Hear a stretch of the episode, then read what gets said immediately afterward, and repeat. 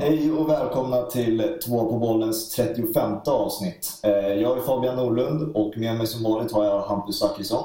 Jajamensan. Och idag har vi även en gäst med oss, Adam Fröberg. Välkommen Adam. Stort tack, roligt att vara här. Eh, skribent på MUS hemsida, är det så man uttalar det va? Ja, men det, det stämmer. Det är både krönikör och nyhetsskribent och lite allt möjligt. Så det, vi gör allt egentligen kring United som vi skriver på mus.se helt enkelt. Eh, plus att jag poddar, vilket eh, ni nog redan har koll på. Ni tror jag i alla fall. Yes, precis. Eh, Muspodden som det enkelt heter, eller hur?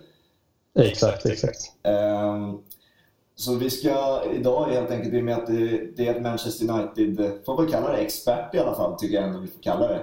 Eh, ska vi ha ett helt avsnitt med bara Manchester United och eh, med det sagt så ska vi då inleda avsnittet som vanligt med att nämna vår nummer 35 då i och med att det är det avsnittets nummer är.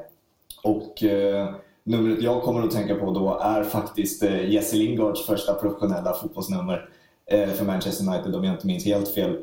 Det är nummer 35. Ehm, och jag tycker vi kan börja där. Den, eh, alltså diskussionen kring eh, Jesse Lingard. Var, vi har ju varit väldigt kritiska, jag och Hampus, till Jesse Lingard i den här podden, Adam. Eh, vad tycker du om Jesse Lingard? Ja, först och främst vill jag bara säga, vi pratade lite innan podden om just att vi skulle lämna siffran 35 och eh, jag sa det att jag kom att tänka på en spelare direkt och du sa att du hade en också så skulle vi se om det var samma. Och det, det kan vi bekräfta, det var precis samma spelare. Det, när jag hörde siffran 35 så ser jag bara Jesse Lingard när han hade 35 på ryggen där i ja, 12-13 debuterade han väl med dem, men hade den till säsongen 15-16 också. Ja. Men för att gå in på det du frågade precis så, alltså Jesse Lingard är ju en spelare som har delat kanske många i supporterskaran i Manchester United eh, på så sätt att Många tycker verkligen om honom för att han är en liksom United ungdomsspelare där han slått igenom och gått hela vägen och liksom en supporter till klubben sedan barnsben och allt det där vilket alltid uppskattas i vilken klubb man än kommer till. Men eh, det har alltid diskuterats om hans kvaliteter är tillräckliga och i perioder så har han ju verkligen varit riktigt bra men det senaste kanske ja, ett och ett halvt åren så har det verkligen, verkligen stagnerat och eh, i min mening så håller han ju absolut inte den krävda nivån just nu. Sen tycker jag inte att vi ska kanske låta han... Det är lite elakt att säga att detta är hans nivå för så här dålig är han inte egentligen heller utan sanningen ligger väl någonstans där mittemellan och en normal Jesselinga är väl som bäst en truppspelare som ändå fungerar med tanke på att han han bidrar med mycket annat med just att han är uppväxt i klubben och passion och vet vad, den, vad, vad det handlar om helt enkelt. Så absolut, han skulle kunna fungera som en truppspelare men han måste verkligen steppa upp på planen också. Vad är nyckeln till den här nedåtgången då, som du var inne på de senaste ett och ett halvt åren? Ja, det är många som har diskuterat det. Vissa tror att det handlar mycket om att han liksom har uh, allt det här utom, uh, utanför fotbollsplanen med sociala medier där han fått väldigt mycket kritik av många och att han dansar och att han klär sig och att han har Eh, kanske inte jättemycket frisyrer kring honom men han och Pogba har väl paketerats ihop där på något sätt att de är väldigt mycket sådana vilket eh, delar mångas åsikter helt enkelt och jag tror att detta på något sätt har stjälpt honom nu i slutändan. När allt gick bra och det fungerade så rullade det bara på. Han fortsatte och fortsatte, gjorde något eget klädmärke och eh, ja, men allt det kring sociala medier. Och han, eh, under sommaren ska jag väl tillägga så släppte han en eller han la ut på sin privata Snapchat en video som sedan läckte ut till eh, omvärlden där han Eh, med Marcus Rashford vid sin sida som inte var särskilt delaktig men tillsammans med en tredje då kompis som för allmänheten okänd. Ja. Höll på med en del grejer i ett hotellrum kan man väl säga som, eh, där de drev om allt möjligt vilket fick väldigt mycket uppståndelse och eh, United och Solskär ska ha tagit in honom på kontoret och liksom sagt att han måste fokusera på fotbollen nu och liksom kapa ner lite av det som han håller på med sidan om för att det får för mycket fokus och tar fokus från annat. Och jag tror att detta på något sätt har påverkat honom mentalt. Han har inte sett ut att vara samma glada, spralliga spelare om vi ska beskriva det så, varken på eller utanför planen sedan dess. Eh, jag tror absolut, om jag ska flika in vad jag tänker på när jag tänker på Lingard så tror jag absolut att det ligger någonting i det att allting utanför har påverkat Och framförallt i den, den decembermånaden under Mourinho där han verkligen dansade. Eh, där visade han ju sin absolut bästa sida på fotbollsplanen. Då var jag verkligen liksom en glad, glad sprallig spelare men också bidrog med poäng. Eh, så att, ja, alltså för att liksom minnas hans verkligen bra så får man ju titta på den, den månaden och se vad han faktiskt kan. Eh, och det är synd att det har blivit, blivit den nedgången det har blivit.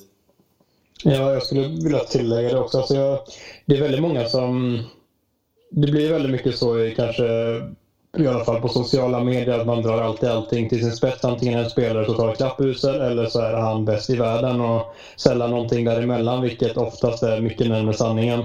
Och eh, vad gäller just Jesse Lingard så är det väl ändå värt att nämna för att balansera ut det hela att han gör väldigt mycket bra för Manchester som stad där han åker till flera skolor och ja, men ett sånt arbete som för, att, eh, för staden helt enkelt och dess ungdomar som eh, inte syns så mycket i medierna vilket jag tycker ändå är värt att nämna och lyfta upp. Sen har han gjort många felsteg vid sidan om som givetvis måste tas med i beräkningen.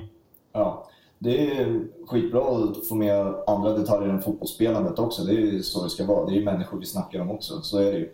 Eh, bra genomgång av Jesse Lingard. Det får vara vår inledning så får ni höra resten av det här snacket angående Manchester United i det här avsnittet. Så välkomna till avsnitt 35 så kör vi! Okej, då drar vi igång snacket kring Manchester United. Vi har ju en säsong, Adam, som har varit ganska mycket upp och ner. Kanske mest nedåtgången då, får man ändå summera det. Men på något sätt så är det ändå en strid om eh, Champions League-platser nu. Eh, nu i slutspurten i Premier League. Hur skulle du summera ihop eh, den här säsongen hittills? Hur, hur går dina tankar kring säsongen?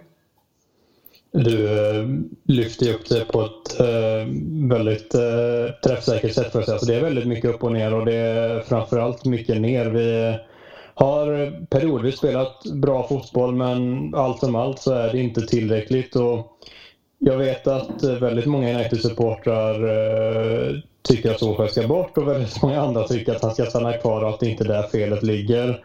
Uh, vi kan säga gå in mer på Solskär i sig sen, vad jag tycker kring det och sådär. Men yes. för att uh, landa i just säsongen som, i sin helhet så om vi skulle se på förhand så att vara kvar i Europa League, FA-cupen och en kamp om topp 4 vid den här tidpunkten hade inte varit uh, fy skam med tanke på förutsättningarna. Sen ska det också tilläggas att en normalsäsong med de här poängen så är vi inte i närheten av en Champions League-plats utan det handlar väldigt mycket om att de lagen framför och omkring oss har presterat på en liknande, ganska medelmåttig nivå. Det är väl någonstans där vi eh, ser på det, i alla fall jag som eh, United-supporter här och nu. Det är mycket frustration emellanåt men vissa glimtar ibland som ändå visar på att det finns någonting där.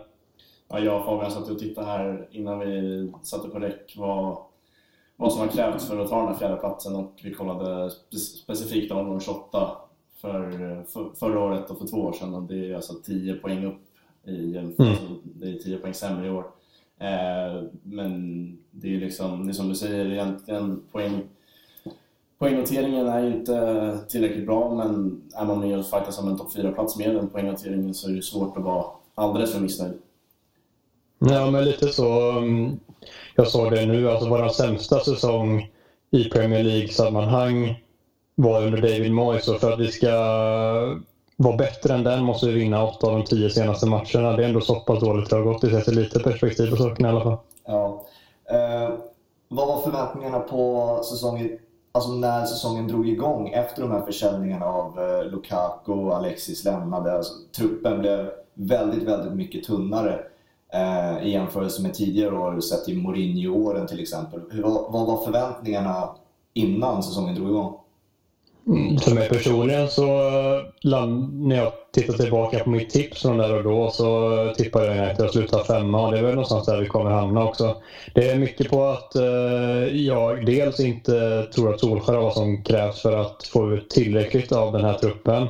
Truppen är bra men den är också väldigt tunn och bristfällig på sina håll. Jag anser att eh, den är tillräcklig för att kunna nå en topp 4-plats men allt ihopbakat så kände väl jag innan säsongen att vi inte skulle riktigt kunna dra det längsta strået helt enkelt där vi saknade lite grann för att eh, vara med och tampas eh, eller framförallt att landa en eh, topp 4-plats.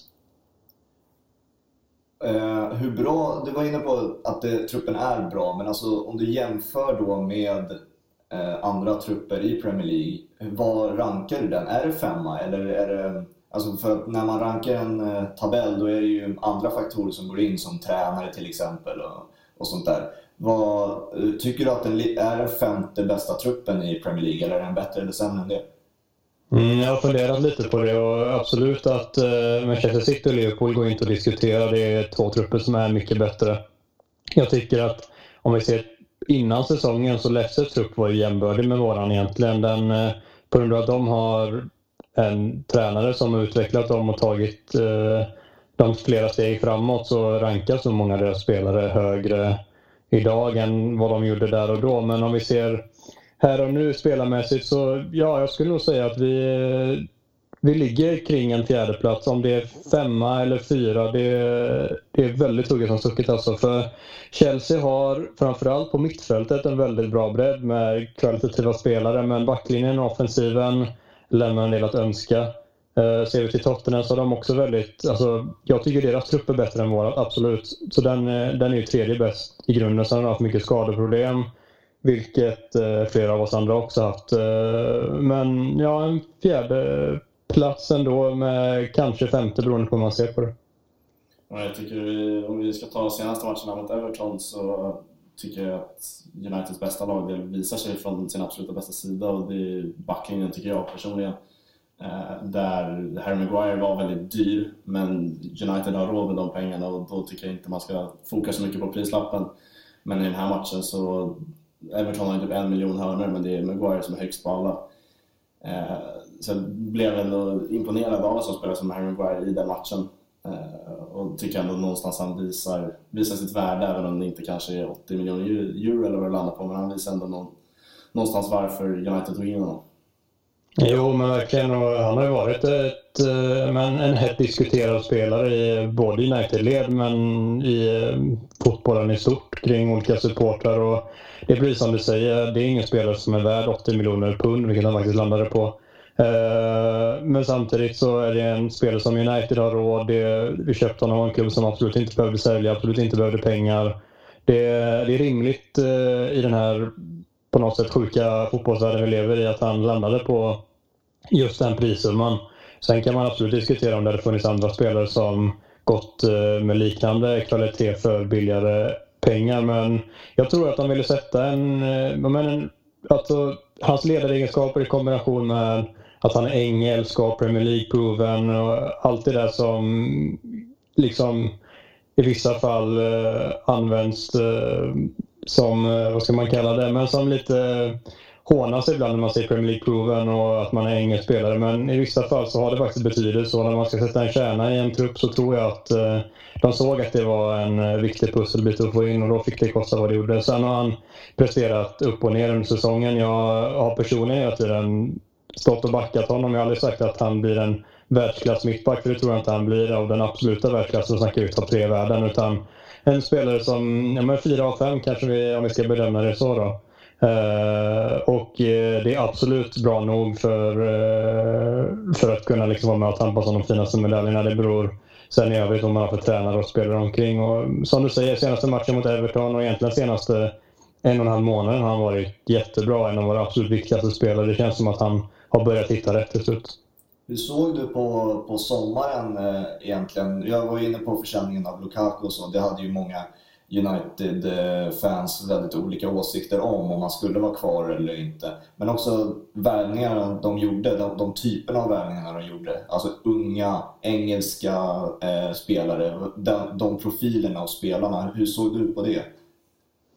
Först och främst så vill inte jag vara den som skriker och säger att man måste ha brittiska spelare i första hand. Det håller jag absolut inte med om. Sen, som jag nämnde just kring Maguire och absolut lite kring Wan-Bissaka också. Det, det, finns ett mervärde i det som underskattas i vissa fall. Så jag var inte emot dem, ingen av de tre värvningarna vi gjorde egentligen. Jag tyckte det var bra värvningar alla tre. Men problemet i stort var väl att vi inte gjorde fler helt enkelt. Och med tanke på de vi sålde så mm, vi saknade liksom, vi hade Martial och Rashford och, som ska spela offensivt och då ska båda spela och då har vi ingen anfall därutöver. Det behövdes en anfallare, det behövdes en offensiv mittfältare och eh, i viss mån också även både liksom vänsterback och högerytter beroende på hur man ser på det. Daniel James absolut en yttermittfältare men vi får tänka på att det är en spelare som plockades in från Championship och vi inte hade någon aning om vad han liksom skulle kunna bidra med i Premier League framförallt under sin första säsong. Och som vi har sett så har ju hans formkurva dalat och det tror jag har att göra med att han har fått för mycket ansvar här och nu. Det var en spelare som skulle stå på tillväxt och på något sätt matchas in lugnt men med tanke på hur säsongen har utspelat sig så har han fått ta mer ansvar än vad han kanske var beredd att göra vid det här skedet av sin karriär. Ja. Eh, vi går in på Solskjaer lite. Eh, vad tycker, först och främst, vad tycker du är nivån på Solskjaer? Hur bra är han eller hur dålig är Solskjaer som tränare? Vi har varit kritiska kring Solskjaer väldigt eh, länge nu. Eh, men på något sätt får han ändå ganska fina resultat säsongen igenom, men också väldigt, väldigt dåliga resultat.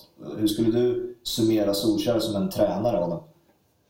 Det är lite som vi pratade om innan, det här med att man alltid drar det till sin spets. Jag tycker varken att han är en urusel tränare eller en eh, uh, världsklasstränare. Han, han är någonstans där mittemellan och om det sen är på den övre halvan eller undre, det återstår att se nästan. Vi, vi har ju sett, som du säger, att han har fått en del fina resultat och det handlar ju framförallt om stormatcherna där vi har ändå besegrat Manchester City två gånger. Den första gången i ligan, andra gången när vi besegrade dem åkte vi dock ut ligacupen. Så det, den har väl sina asterixer den segern, men vi har samtidigt eh, en av två lag som har tagit poäng mot Liverpool. Vi har varit eh, bra mot Chelsea, vunnit alla tre matcherna mot dem. Vi har vunnit mot Tottenham, Arsenal har vi kryssat och torskat mot. Vi, alltså, storlagen har vi spelat bra mot alla matcherna rakt igenom egentligen.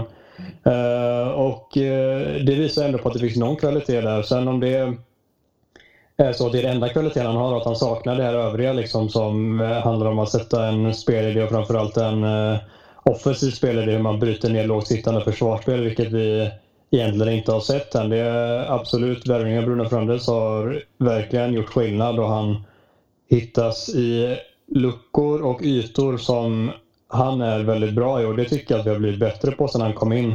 Om det sen ska räcka som ett försvarstal för det vi har sett under hela säsongen innan kanske jag inte riktigt håller med om för det fanns både spelare som inte har fått chansen, då pratar jag spelare som Angel Gomez till exempel. Vi har inte vi har sett liksom Andreas Pereira och Jesse Lingard misslyckas i match efter match så måste andra spela på chansen eller så får man helt enkelt sätta om ett spelsystem på något sätt. Eh, att fortsätta i eh, liksom fotboll som går i samma fotboll som inte har fungerat det tyder på någon form av naivitet. Sen eh, ska jag väl, alltså, som ni hör är jag ganska ambivalent, ambivalent här i mina känslor för jag tycker i grund och botten att han inte har tillräckligt med kvalitet för att vara den som tar oss kanske till liksom, ja, Premier League-guld, vilket ändå är det som det och Champions League som måste vara målet liksom med eh, för en klubb som Manchester United alltid att ta sig dit eh, oavsett vart man är här och nu. Och det tror jag inte han har, att han har kvaliteten att ta oss, men han skulle absolut kunna vara en bra ska man säga, brygga eller övergång mot vad som komma skall. Han har ändå visat att han kan sätta en mentalitet och få in rätt typ av spelare hittills och eh, rensa truppen. Liksom. Så möjligtvis kan han bidra med det och så får nästa tränare som kommer in skörda frukten för hans grundjobb. Men jag tror inte han som tränare har alla taktiska färdigheter som krävs helt enkelt. Nej, jag tycker under säsongen har ju Solskjaer nästan varit en expert på liksom rädda sitt jobb så att säga. Det har varit de här, när det absolut de största ropen kommer efter hans eh, avgång, då kommer en superinsats mot City och Chelsea. Eh, så att jag tycker han, det är imponerande vad han gör i de här stormatcherna och hur han verkligen får sitt lag att ja, prestera på sin absoluta bästa nivå. Eh, å andra sidan så är det ju sorgligt att se de matcherna där man inte kommer upp i nivå mot lag som är mycket sämre. Eh, så att, jag har också blivit mycket mer osäker kring Solskjaer. Han, alltså vi snackade förut om poängen han har tagit. Det är inte tillräckligt många egentligen, men nu är det ju det och då, då får man ändå bedöma efter liksom, resultaten han når gentemot andra lagen i ligan. Eh, Så jag tycker det är väldigt svårt. Liksom, vem, vem är Ole Gunnar Solskjaer och hur bra, hur bra är han? Mm, verkligen. Uh, det snackas ju väldigt mycket om Pochettino. Det har det gjort ända sedan när han var i Tottenham också. Hade du för, alltså, om du hade fått möjligheten idag att byta ut Solskjaer mot Pochettino, hade du gjort det? Utan tvekan. Jag är väl kanske en av de som har vurmat mest efter Pochettino de senaste åren. Då jag anser att han är precis den typen av tränare på uppgång som är redo att bli en av de absolut största. Vi såg vad han gjorde med Tottenham. De tog dem från ett mittenlag till en Champions League-final på en budget som egentligen gick plus minus noll under de här åren. Det är eh, ett otroligt facit eh, av en tränare som jag tror bara skulle kunna ta nästa liksom, steg och eh, växla upp ännu mer i en klubb där han får mer resurser och eh, förtroende. Så absolut, det hade jag gjort. Jag eh, hade inte tvekat en sekund faktiskt. Eh, någon annan tränare som sticker ut för dig, förutom Pochettino som skulle kunna ersätta, ersätta Solskjaer som inte diskuteras så mycket i media? Är det någon du tänker på? Den som jag har funderat på i så fall är Julian Nagelsmann i eh, Red Bull Leipzig som har alltså ett otroligt facit i både Hoffenheim och Leipzig nu där vi har sett att han kan på ganska kort tid liksom bygga ett lag som är slagkraftigt på den ja, snudd på högsta nivån och då har inte han en trupp som liksom är eh, överjävlig på något sätt. Den är eh, absolut toppen av Bundesliga men det är ändå en trupp där han får ut verkligen max av varje spelare och att få in en sån tränare är han också väldigt ung och har eh, ännu mer att utveckla och lära men han skulle absolut vara ett otroligt intressant namn att få in. Sen tror jag inte på långa vägar att det kommer ske men eh, det är definitivt en tränare som jag hade eh, blivit... Eh, som hade kittat mig väldigt mycket så kan man säga om han hade tagit över Manchester United. Jag, jag har tänkt på det innan att eh, när, när Liverpool någonstans vände hela deras spiral var det ju när man sparkade Brendan Rodgers och det var ju under en tid när Liverpool inte var de var inte skitdåliga och han kanske egentligen inte förtjänade att få sparken men man såg att en tränare som Klopp var var ledig och då valde man att göra, göra det valet. Liksom. Eh, jag kan tycka att säga att Ole Gunnar Solskjaer skulle ta United till en topp 4-plats. Då tror jag det är många som menar att det inte går att sparka honom, men det är kanske då, då det är rätt läge att sparka honom och få in Pochettino och som du säger, att låta en bättre tränare skörda frukten. Ja, men verkligen. Och, alltså, det, det är det naturliga och rimliga att göra för en en, eh, vad ska man säga, en välfungerande sportlig, sportslig ledning. Men i Manchester United finns inte den. Så om han tar en topp 4-plats är jag tämligen övertygad om att han kommer få sommaren och eh, en bra bit på nästa säsong minst på sig att eh, bygga vidare på detta projektet. Mm. Men jag håller med dig om att han borde verkligen se chansen Ed Woodward nu och plocka in Pochettino medan han är ledig. För om vi inte gör det nu i sommar så kommer han ta ett annat jobb och då kan det vara för sent.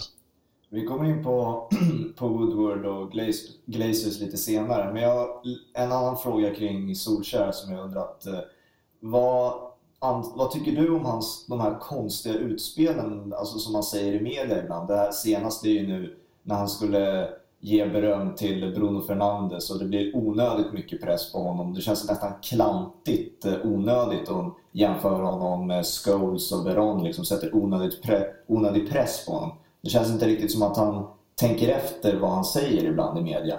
Är det bara en uppfattning jag har eller är det faktiskt någonting som han borde faktiskt tänka lite mer på?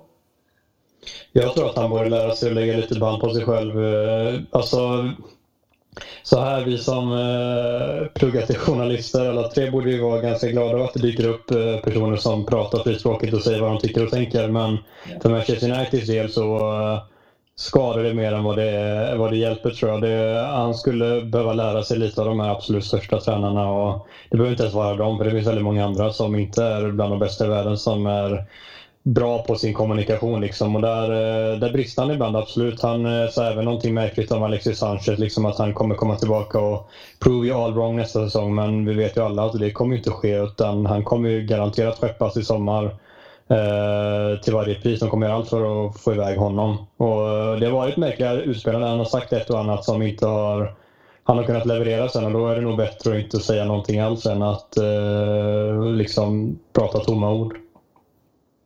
Ja, vi kan ju gå in på Bruno Fernandes när vi ändå nämner hans namn. Att, eh, vad, om man säger om den vändningen så här långt, jag tycker att han har gått in och bidragit med något som United inte haft på väldigt länge.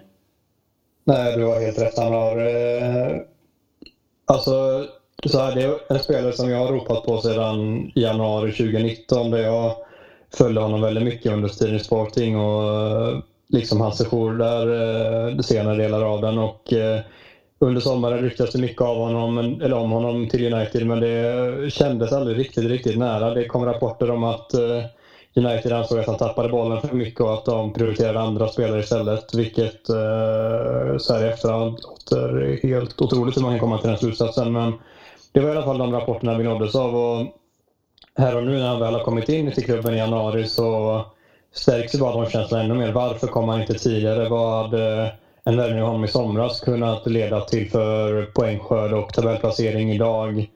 Om det hade blivit av, det är om och men-frågor som vi aldrig kommer få reda på. Men det är ändå en tanke som nog har slagit de flesta United-supportrar åtminstone. Och för att gå in på det han har erbjudit så är det ju precis det vi har saknat. Det är en kreativ spelare som både kan slå en avgörande passning, kan hota med avslut, eh, med löpningar. Han har ledaregenskaper. Han är egentligen komplett till så vis att han absolut inte är Kevin De Bruyne som vissa eh, som raljerar såklart vill eh, kalla honom. Liksom, att han är på den nivån. Det är han inte. Han eh, har potential att nå den nivån. För så mycket fotboll finns det i Bruno Fernandes. Sen om han når dit, eh, nå upp till United och tränarna och han själv. Och eh, om vi ska diskutera det så är han själv har ju den mentaliteten nog att nå dit. Det en eh, mentalt riktigt stark spelare som vi har fått in som av allt att döma har liksom lyft stämningen kring hela klubben. och bara med sin blotta närvaro egentligen där han ska eh, enligt alla rapporter som dyker upp och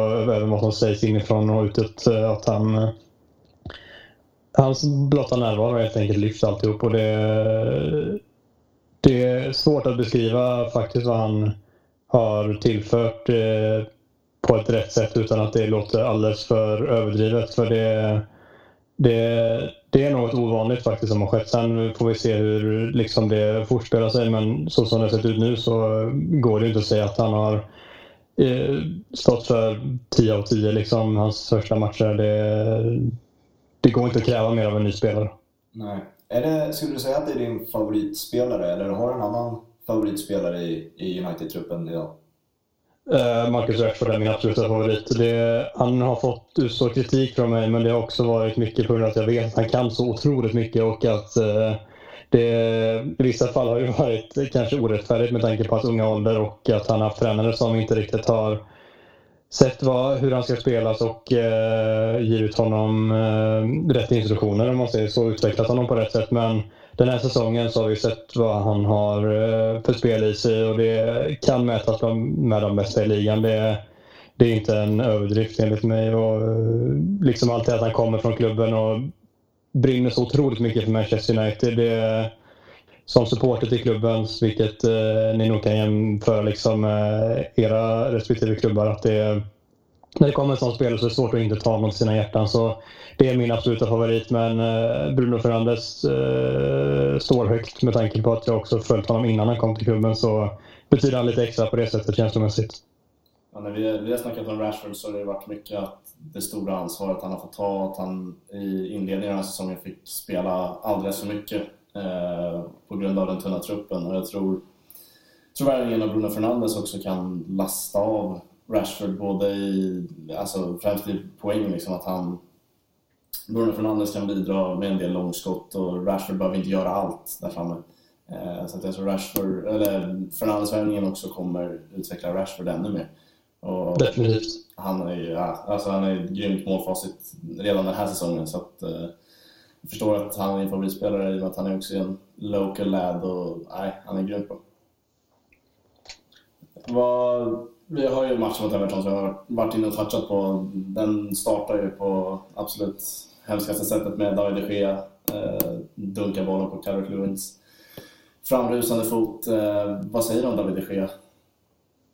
Ja, det är också en så kallad vattendelare i supportleden. Vissa ropar direkt att Dean Henderson som utlandschef Sheffield United gjort en jättebra säsong där ska plockas in i sommar och sälja liksom de Gea och vissa säger att eh, de Gea förtjänar mer tid med tanke på vad han har gjort i klubben och vilken högsta nivå han faktiskt besitter. Och Det, återigen så landar jag väl någonstans där mittemellan. Jag, eh, jag håller med om att David de Gea har varit eh, ja, men otillräcklig. Han, han står för vissa jättebra matcher men sen kommer den här eh, bloopern ibland. Liksom. Han eh, har stått för mest misstag som har lett till mål av alla målvakter de senaste två säsonger tillsammans med Ben Leno och eh, om det var Martin Dubravka. Jag är eh, tämligen säker på det.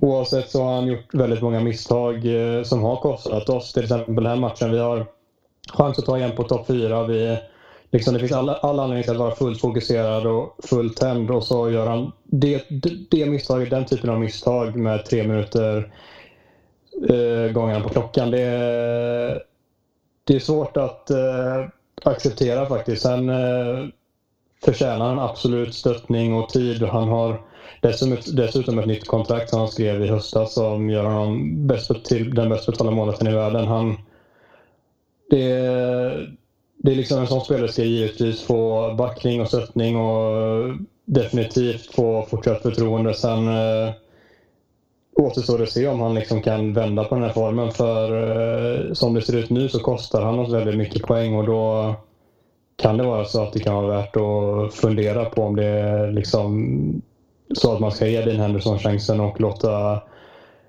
pengarna trilla in för David de Gea. Ja, det är ju en intressant fråga att ha. Så om man tar sig till sommaren nu, liksom, vad, om du skulle behöva agera sportchef, vilket United inte har, det kommer vi in lite senare på. Men eh, vad, vad är beslutet där? Dean Henderson, som du, som du säger, är väldigt bra. Han har bevisat sig vara väldigt bra. Man skulle, det känns ju lite som att han har visat upp sig och förtjänat chansen i Manchester United. Och vad, vad säger du beslutet ska vara? Vad är det korrekta beslutet? Egentligen? Jag har funderat, jag har funderat lite på detta och det jag ändå har landat i efter eh, alla funderingar är att eh, jag tror att det hade varit bäst för han. Dean Henderson måste liksom spela kontinuerligt. Han är ung, han är 22 år, fyller 23 detta året. Och, eh, han ska inte liksom rotera och spela 10 matcher på en säsong utan han ska spela så mycket det bara går. Och David de Gea eh, på något sätt med tanke på vad man vet att han har gjort tidigare och vilken högsta nivå han håller så hade jag kört vidare på liknande koncept som den här säsongen. Jag hade lånat ut in Henderson för hans egna skull och eh, gett David de Gea ytterligare en säsong och sen ta det efter det och se vart, eh, hur det liksom, man får göra en utvärdering därifrån och se hur det har gått. Både Dean Hendersons utveckling och eh, David de Gea, hur liksom säsongen varit. Har han fortsatt med misstagen eller har hans eh, lägsta nivå klättrat upp på den nivån som krävs i Manchester United? Mm. Vad ser du på Paul, en annan individ då? i United, Paul Pogba, hur, har knappt spelat fotboll den här eh, säsongen. Vad sägs ju nu också ska säljas i sommar. För, för vissa det är också en vattendelare när det kommer till United-fans. Är det sälja Pogba enligt dig eller behålla honom i sommar? Det har väl eh, varit ganska klart för länge, ganska länge nu enligt mig. Alltså, I somras så rapporterades det väldigt mycket om att han var på väg bort och det var det garanterat eh, någonting som var i görningen där men det kändes aldrig som att det på riktigt skulle ske för vi hade så mycket annat att göra där då att jag inte kunde tänka mig att de skulle sälja honom. Eh, eh med tanke på att kontraktssituation och allt det där också. Långkontrakt kvar liksom. Det var ingen, ingen fara. Det, den spelaren behövdes kvar i laget och då tyckte jag att han gjorde rätt och liksom hålla kvar honom eh, en säsong till. Men det har hela tiden känts som att det är nu till sommaren han ska säljas och jag tror att det eh, också blir så. Det kommer liksom landa i slutändan. Det, det är tråkigt för det är en spelare som jag eh, i grund och botten håller liksom väldigt nära hjärtat och tycker att han är en fantastisk spelare och karaktär som får väldigt mycket oförtjänt kritik. Eh, men jag tror att situationen har blivit ohållbar och att det är eh, nog bäst för alla parter att eh, sälja, inte på något sätt för något reapris, men sälja honom, ta pengarna, tacka för detta och hoppas att det liksom blir bra för samtliga parter i slutändan. Mm. För att det blir ju en karaktär då när det diskuteras om försäljningar eh, angående Paul Pogba, då är det ju Mino Raiola som eh, kommer upp. Hur ser du på, på den karaktären? Han är ju väldigt, väldigt kritisk till Manchester United nu senaste månad, månaderna framför allt har varit nästan i ett krig med Solskjaer verbalt i alla fall. Hur ser du på Mino? Alltså, det går ju inte att säga annat än att han vet hur man tjänar pengar och eh, får till sist ut det som hans klient vill att han ska göra. Sen tror jag att han bränner en del broar när han agerar som han gör med eh, vissa klubbar. Han, eh, han är inte dum på något sätt så det finns ju garanterat en uträknad plan med alla uttalanden och saker han säger och gör men eh, jag eh, kan inte säga att jag uppskattar honom till 100% för det eh, liksom, resultatet har blivit i Manchester United. Han eh, är otroligt bra på sitt jobb men man hade önskat att det kanske skedde på ett annat sätt och att relationen var bättre än vad den är. Ja, vi är inne på många vattendelare så vi kan lika gärna gå vidare till Vigge Lindelöf. Eh, vad, vad tycker du om honom? Själv tycker jag att han har verkligen spelat upp sig på slutet och jag tycker att alltså, Lindelöf är verkligen definitionen av den spelaren där folk drar allting till sin spets. Antingen är han värdelös eller är han bäst på plan. Eh, och det känns som nu på senare tid har liksom också även media låtit honom vara 3 plus, att han, han gör en bra match, syns inte så mycket. Eh, och det tycker jag känns positivt för att eh, mittbackar ska inte alltid vara bäst på plan. Eh, och jag tycker Lindelöf har spelat upp sig eh, verkligen den senaste tiden. Jag ser ändå honom som en del av ett United som ska gå uppåt och gå framåt.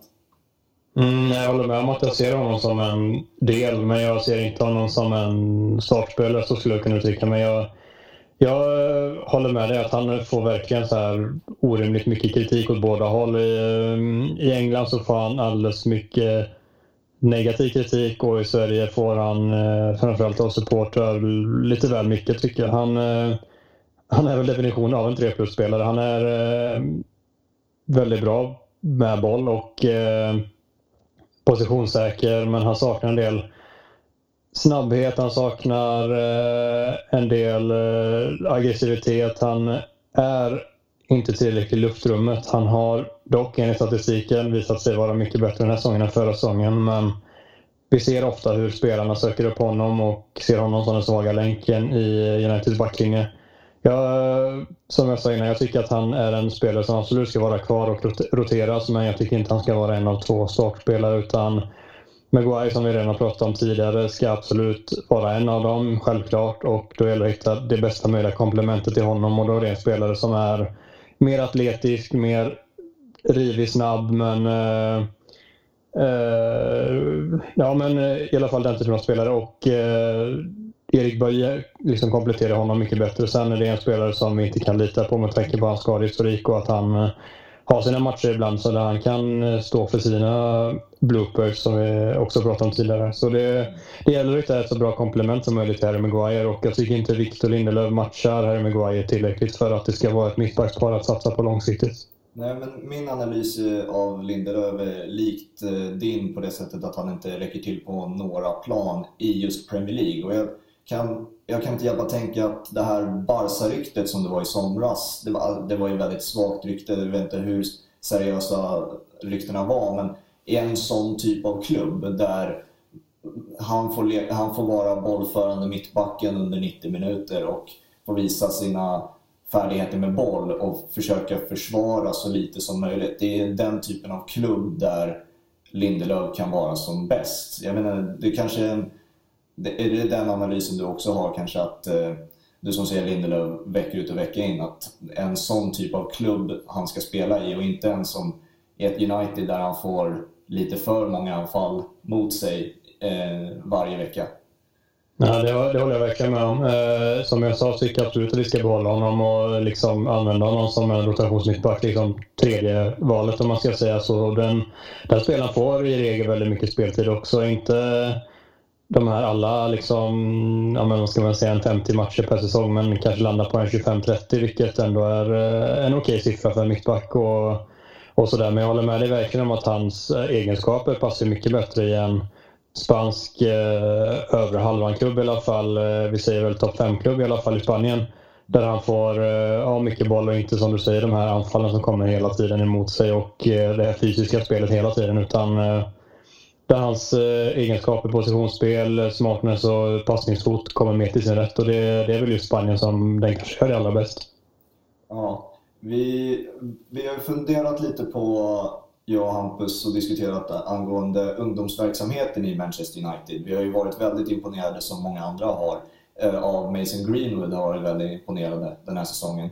Eh, sa jag redan förra året att han borde i slutet på förra säsongen startat före Lukaku när han hade en svag säsong och man visste att eh, Mason Greenwood var en real deal verkligen. Är det någon fler eh, utöver Mason Greenwood, du var inne på Angel Gomes också, några andra namn i Manchester Uniteds akademi man bör hålla koll på? Ja, man kan ju bli hur nördig som helst och eh, gå neråt i leden. Men eh, Angel Gomes är absolut en. Tyvärr så går hans kontrakt ut i sommaren och de har fortfarande på varandra där. Så det, det är väl oklart hur det blir med honom. Han vill ju ha speltid. Han eh, debuterade som 16-åring och är nu 19. Han eh, behöver spela liksom på seniornivå, vilket eh, han inte har fått i Manchester United, vilket jag tycker är märkligt. Eh, Tai Chong är en annan spelare som också kontraktet går ut på nu till sommaren. Han håller väl inte den nivån som eh, krävs helt enkelt långsiktigt. Jag, jag tror inte att han kommer vara en yttermittfältare som uh, lirar i en absolut toppklubb utan eh, det är lägre än så. Han, det rimligaste med honom hade egentligen varit att han förlängde kontraktet med United, att vi lånade ut honom till en kanske holländsk klubb, vilket är hans hemland och eh, han fick spela kontinuerligt där och så ser vi vart utvecklingen tar vägen. Men eh, han eh, verkar ju vara allt närmare Inter, vilket är den sämsta matchningen jag kan tänka mig egentligen för honom med tanke på att de inte spelar med någon ren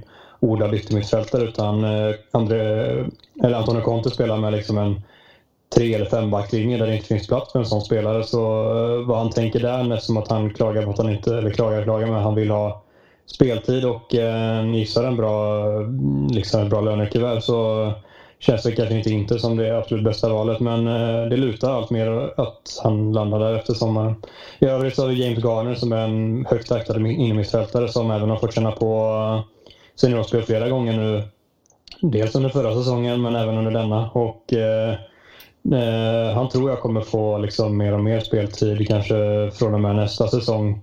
Jag önskar att han lånade ut honom för han skulle behöva känna på lite mer seniorfotboll. Eh, han eh, liksom, som innermittfältare, hans främsta egenskaper är eh, passningsspelet och spelförståelsen egentligen. Men i U23-laget är han alldeles för bra liksom, och varit det egentligen i över ett år nu. Han har gjort fler poäng, alltså pratar vi mål och assist, än antal matcher den här säsongen. Vilket säger rätt mycket med tanke på att han är en innermittfältare som många ser som en framtid, kanske som en sittande innermittfältare också. Eh, så det är en spelare som absolut har en stor framtid om han utvecklas rätt och tas hand om på rätt sätt. Eh, vi har Ethan Laird, en ytterback som många kanske anser borde få chansen före Brandon Williams som har slått igenom i år. Eh, har tyvärr haft mycket skador men högsta nivån är definitivt högre. Jättebra framåt framförallt men också duglig bakåt. Liksom. Så det, det finns många att välja på. Till Mengi, en mittback som är, har jättebra standard för eh, U23 och U18 och en av de absolut mest bidragande orsakerna till att vi har gått till semifinal nu i FA Youth Cup som är den, liksom det största man kan vinna i England på U18-nivå. Mm. Eh, det är en spelare som många tror på stenhårt och eh, ja, det går väl att fortsätta längre än så men Mason Greenwood som du har nämnt är ju den absolut största talangen som egentligen vi har sett på jättemånga år i Manchester United och eh, han eh, håller nog alla väldigt, väldigt många tummar för. Jag tycker det kändes som när United sålde av mycket spelare att eh, det var, det var de unga grabbarna som skulle få fler chanser och större chanser. Men Jag tycker inte det riktigt det har blivit så. Eh, Solskär har visat att han hellre roterar på typ Mata, Pereira, Lingard än att sätta in en Gomes. Så vad, vad tycker du om det? Att han, jag tycker i alla fall inte att han har... Eh, alltså, det kändes som att han lovade ganska mycket speltid åt de unga grabbarna inför den här säsongen. Eh, men att det inte kanske har blivit så. Jo, men det är väl det ytterligare en sån här grej som du, eh, eller som vi pratade om innan, som att han han har lovat en del saker som har visat sig vara mer tomma ord. Absolut, så jag tycker att han har hanterat Mason Greenwood på, ja, men snudd på felfritt, på ett snudd på felfritt sätt.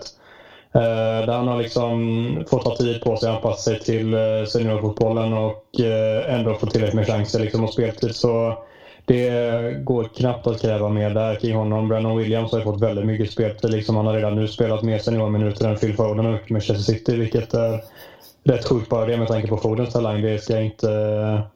Det ska, det ska gudarna veta att jag håller Phil Foden jättehögt, så det är inte det det handlar om. Men att han eh, har spelat mer än honom redan visar ändå att han har fått mycket förtroende.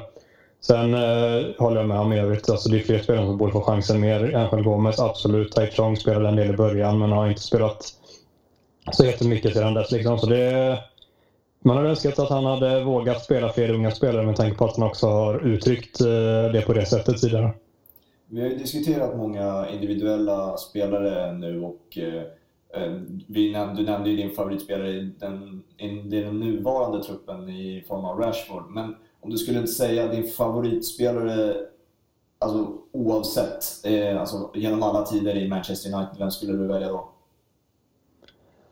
Alltså, så här, det, det finns så otroligt många att välja på, men eh, i slutändan så landar jag alltid i antingen Paul Scholes eller Michael Carrick. Det är mycket för att det är två spelartyper som när jag spelar fotboll när jag varit yngre har velat efterlikna och haft den rollen och eh, de egenskaperna för att säga att det inte var i närheten av på samma nivå, men den typen av egenskaper som jag alltid har sett i mig själv när jag spelar, vilket jag alltid har tittat på den typen av spelare och därav har de legat mig väldigt nära hjärtat. Liksom. Så eh, någon av de två landade väl i och det är väl svårt att inte välja Scholes men jag har en, en svag punkt för eh, Michael Carrick med tanke på att jag tycker att han fick alldeles för lite uh, hyllningar. Han fick inte den credden som han förtjänade helt enkelt med tanke på hur otroligt viktig han var för Manchester United och den spelartypen han var också. Det kanske är kul att flippa den frågan till oss. Eh, I och med att vi inte håller på United så frågan vem, vem är din favoritspelare i United genom alla tider? Är det, det är en sån, du, vet, du vet ju vem det kommer vara. Nej. Ronaldo? Ja, klart. Christian eh, det är för den som inte vet, ja, och ni som lyssnar som inte vet jag är ju största Ronaldo-fanet som det någonsin kan bli. Så han, det, det är väldigt lätt för, för mig att svara på det. Eh, tråkigt, det eh, kom ju ut nyheter igår när vi spelade in där. Eh, kommer ut, det här avsnittet kommer ut fredag, men Eh, vi spelade in där onsdag. Det var tråkiga nyheter som kom ut igår tisdag att eh, hans mamma hade fått en stroke och eh, lämnades in på sjukhus i Portugal. Så eh, får önska en... Eh, det, hon mår helt okej okay i alla fall, verkar det som. Hon har, men eh, Ronaldo sägs ju då eh, ta en veckas break här och inte spela matcher nu, kommande matcher i alla fall. Så får hoppas att hon eh, kvicknar till och mår bättre inom kort. Eh, men mm. du, du Hampus, är ju, det är ju ett Liverpool-fan här Adam, det, i, i form av Hampus. Så det, det är ju mer intressant att veta vad, vad, vem din favoritspelare är i Manchester United. Ja, här får man verkligen tänka till. Eh, men i, alltså, i mina yngre år, alltså, jag har egentligen inte jättemycket emot Manchester United. Eh, även fast man kanske borde ha det som Liverpool-supporter. Men det är aldrig riktigt, de känslorna har aldrig riktigt infunnit sig när jag liksom tänkt på Manchester United. Så att, eh, under den tiden de var som bäst och jag kommer ihåg det året där eh, City avgjorde med sitt eh, kända Aguero-mål där, då satt jag och hoppades på att United skulle vinna titeln. Eh, för att jag hatar nästan City ännu mer. Eh, men eh, jag får nog dra till med eh, typ Ryan Giggs. Jag tyckte, alltså, han spelade så otroligt länge och han var så jävla bra hela vägen in. Eh, så att han eh, hyser jag stor respekt för och tyckte att han var en spektakulär spelare på alla sätt med tanke på hur länge han höll på. Om vi vänder frågan bara till er, vad, vilka spelare av de här större kanske har ni hyser mest agg mot?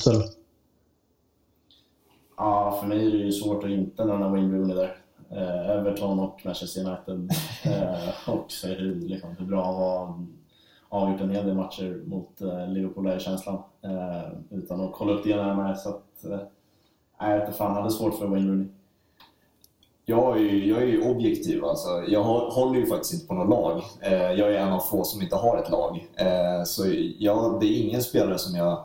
Jag uppskattar bra fotboll och United har ju i stort sett historiskt rakt igenom haft fantastiska lag med fantastiska fotbollsspelare så jag har bara njutit av att titta på dem. Den, nu de senare åren som har varit lite svårare. Man måste ju hysa någon spelare som kanske är dålig Ja, men det, blir, det, det, ja, exakt. det har väl blivit Lingard på senare tid. Eh, men vi har ju varit inne på honom. Vi ska inte vara för hårda mot honom. Jag, har, jag, har, nog, jag har nog varit det tyvärr mot stackars har varit väldigt hård mot honom. Eh, men ska försöka ge honom en andra chans då. Eh, men eh, om vi rör oss mot eh, eh, ja, strukturen i Manchester United som vi har snuddat vid lite. Vi kan börja med att ställa frågan till dig Adam. Vem tycker du är störst ansvarig för det här fallet av United de senaste åren? Från efter Ferguson lämnade helt enkelt fram till idag. Är det Woodward eller Glazers eller vem tycker du är den största? Eh, vem, eh, vem ska man eh, ge skuld till mest, tycker du? Alltså det går väl nästan inte att säga någonting Glazer. För om vi säger så här att Ed Woodward har absolut inte de kvaliteterna som krävs på den positionen han sitter på. Men det är inte han som har satt honom där heller utan det är Glazer som har placerat honom på den positionen. Och då får man väl gå till dem och säga att liksom, det är ni som har gjort fel. Och, uh, de uh, är ju inte särskilt omtyckta i United-kretsar vilket nog de flesta har koll på vid det här laget. Och, uh, de gör eh, inte jättemycket rätt. Eh, sen eh, absolut finns det värre typer av ägare man kan ha men de gör inte tillräckligt för att ta den här klubben tillbaka till toppen. Det är en sak som är säker. Eh, tror du på, nu har det ju snackats om i nästan två år att sportchef är på G. Eh, tror, tror du det finns någon sanning i det eller är det bara snack för att hålla fansen eh, hyfsat nöjda med hur situationen ser ut? Jag kastas väl fram och tillbaka i de tankarna. Ibland känns det faktiskt som att de på riktigt letar efter någon och det kom en del ganska starka rapporter om att eh, PSGs styrelsechef och Enrique var på ingång. Liksom, men det har inte rapporterats något om det nu de senaste två, tre veckorna. Så det kan mycket väl varit andra faktorer som spelar in i de rapporterna. Om det så väl var Enriques egna stab som spridde ut dem eller United som vill eh, liksom lugna tankarna kring hos United-supportrarna och eh, som det har känts emellanåt innan, precis som du säger. Så jag vet faktiskt inte, jag ska vara ärlig. Det är väldigt otydligt och oklart detta, men eh, vi alla hoppas ju på att de tittar på en sportslig liksom, ledning som inte innehåller att Ed Woodward ska fatta alla just sportsliga beslut. Han, eh, det ska sägas att han har gjort ett otroligt jobb med liksom, marknadsföringen och på det ekonomiska planet och var ju den som drog Glazers köp av United i hand, vilket har satt honom i den positionen där han är just idag. Uh, så han är ju en erkänt bra liksom, ekonomisk affärsman men inte sportligt håller han ju liksom inte den nivån som i närheten krävs för en klubb som vill slåss om de finaste titlarna. Återigen tillbaka på de orden. Ja, eh, kanske blicka framåt eller har du mer att säga om eh, sportcheferiet? Nej, alltså innan du avslutar Adam, så jag tycker att eh, United har ju en, de har fortfarande på något sätt den unika situationen att vara den största klubben i världen. Eh, det ju, de, de, har ju varit lite på dekis har det känts som de senaste åren liksom, när det har kommit till eh, att försöka bygga den här kommersiella stora klubben som de är. Men eh, de har inte riktigt lyckats eftersom att de inte har tagit det 100% seriöst med en sportchef och så vidare. Eh, jag tror ju fortfarande på att Woodward måste lämna för att det ska ske. Glazers är, som det ryktas av, väldigt snåla fortfarande. Så att, men det är inte realistiskt att båda parter flyttar på sig. Så man får väl hoppas att de inser att sportchef är det som, är det som behövs. Liksom. Men sen får vi se om det händer. Och om det inte händer så kan det ju tyvärr bli så att United fortfarande blir snäppet under de eh, de ledande lagen i Europa som faktiskt har korrekt struktur i alla fall. Vad säger du om Nej, jag håller med allt du säger. Det, det är väl bara att titta på de stora klubbarna i Europa. Det är väl ingen som inte har en välfungerande sportlig ledning som är där idag. Utan det, det är precis det som krävs. Det spelar ingen roll hur mycket pengar man har om man inte liksom vet hur man ska hantera dem eller vart man ska placera dem. Det, det säger egentligen sig självt och borde vara ett enkelt pussel att lägga för affärsmän av den liksom, kalibern. Men eh, jag tror att de är ganska nöjda med att de får in den stabila summan pengar som de får här och nu. Sen vill de inte halka för långt ner men jag tror att de i grund och botten skulle vara jättenöjda med att vara ett kontinuerligt Champions League-lag men skulle nog inte sen vara så särskilt sugna på att skjuta in de extra pengarna som krävs för att man ska vinna liksom Champions League och Premier League kontinuerligt utan att man eh, är ganska nöjda med den här stabila inkomsten som är väldigt hög när man når upp i de summorna.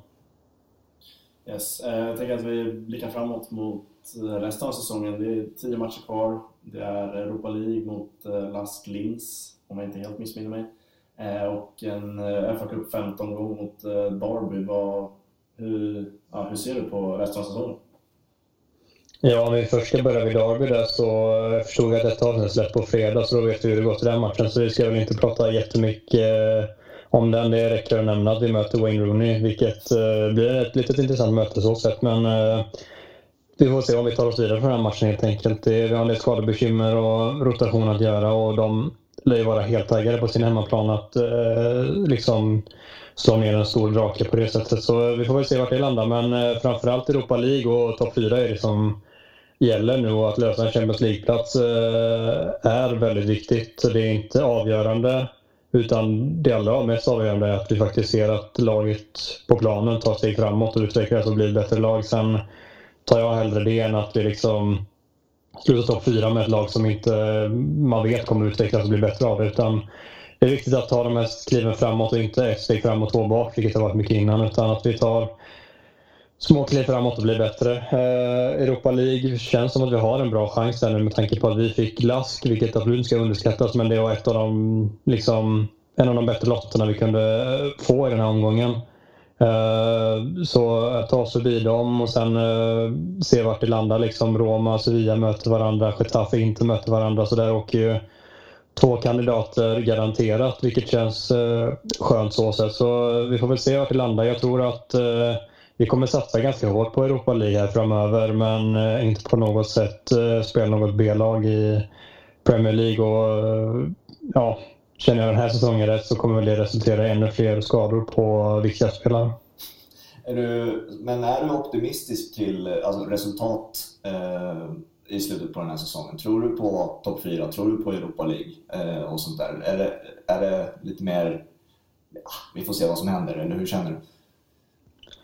Uh, ja, uh, vad gäller Europa League så måste man ju med sig att det är så mycket tillfällighet som spelar roll. Det är dagsform som kan avgöra om man åker ut. Liksom, och det, det är en väldigt skör lina liksom, om man skulle försöka satsa allt på den vägen. Vi lyckades med det 2017 under Mourinho. Men uh, man får inte ge upp ligan på något sätt under tiden som man försöker gå så långt som möjligt där. För det, jag ser fortfarande ligan som den största chansen. Däremot så ser vi att vi klarar inte av att ta de här poängen när lagen framför tappar. Jag såg statistik på häromdagen. Alltså, de åtta senaste gångerna som Chelsea har tappat poäng när de har legat före oss har vi misslyckats med att vinna matchen som vi spelar då för att eh, ta ikapp mer. Så det, fortsätter vi så kommer vi aldrig liksom ta en fjärde plats och då får vi väl hoppas att Manchester City stängs av så att det är femteplatsen som blir en Champions League-plats istället. Så det återstår väl att se det, men jag, det är väl någonstans där mina tankar eh, bubblar runt. Ja, vi kan ju ta det som avslutande punkt. Hur såg du som Manchester United-supporter på Citys eh, avstängning eh, av Uefa? Ja, först och främst ska jag nämna att jag tror inte att eh, de kommer få den typen av avstängning som eh, Uefa valde, utan de har överklagat till CAS här nu och det det känns inte som att de kommer få två säsonger eh, avstängning av Champions League. Ehm, Jag hoppas att det blir eh, så såklart. För det, som United-supporter eh, är Manchester City absolut ingen favoritklubb på något sätt. Det ehm, var på något sätt ändå skönt att det visade sig att de kunde, den här typen av klubbar kan få ehm, straff av fotbollsvärlden om man säger så. Då, med tanke på hur ändå man har vetat att det har varit någonting fuffens här. Det har, alla har ju känt det på ett och annat sätt att det har nog kanske inte gått rätt till hela vägen, vilket eh, andra klubbar också har eh, känt så kring. Så det, det var väl skönt att eh, det hände någonting, men jag tror inte att det kommer bli särskilt allvarligt i slutändan. Men eh, vi får väl se. Vad, vad tänker ni kring det? Ja, vi, vi tillägnade ett halvt avsnitt eh, till det precis när det kom ut den där eh, bestraffningen. Och man känner ju nästan att alla förutom City-supportrar hejar på Uefa i det här specifika fallet för att man vill ha någon typ av rättvisa. Eh, men sen som du säger, alltså Manchester City som klubb i sig är ju starkare sett till advokater och pengar sett i jämförelse med Uefa. Så att Eh, om de går head, eh, head on liksom och bara, som det verkar som att de gör, mot KAS och får igenom eh, eh då, då kommer de få igenom det, tror jag också, eftersom att eh, City är mäktigare än Uefa. Eh, och det, det är ju fantastiskt tråkigt liksom, att det, det, ska, det ska bli så, liksom, att rättvisan inte får vara i centrum. Liksom, för att vi, vi är nog alla enade om att fuffens sker, inte bara i City såklart, men framförallt i City. Det har det ju varit under ett bra tag, så att, ja, det är tråkigt, så är det ju. Vad säger du Hampus? Ja, det är också min känsla att det kommer ju bara ebba ut i att de kör på och åker ut i någon kvartsfinal i Champions League ändå nästa år. Eh, men nej, det var ju, jag blev ändå glad när jag såg eh, alltså banden så. Eh, men sen när man efter ett tag började tänka lite mer på okay, vad kommer det här leda till och så, nej det kommer antagligen inte leda till någonting. Och de kommer kriga på i Champions League, men nej, jag hoppas att, hoppas att det blir så för att eh, det hade varit intressant att se hur City agerar och, eh, och kul om de blir straffade. Mm. Ja, vi knyter ihop säcken där. Eh, jättekul att du var med Adam. Och du får som sagt, eh, som vi brukar säga till alla gäster, och det menar vi verkligen, att ni, ni är varmt välkomna. Du är varmt välkommen att gästa igen när du vill. Stort tack, det var jätteroligt att vara här. Och eh, får säga också till eh, alla som lyssnar var vi, var vi kan hitta dig på alla medier och sånt där. Nej, men det är främst på Twitter jag är aktiv och det snabel Adam understreck Froberg som gäller.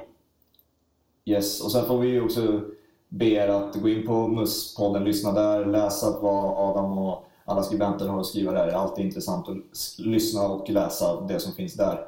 Eh, tack så jättemycket Adam och eh, vi hoppas få höra av, av, från dig mer i framtida avsnitt. Stort tack, ha det gott.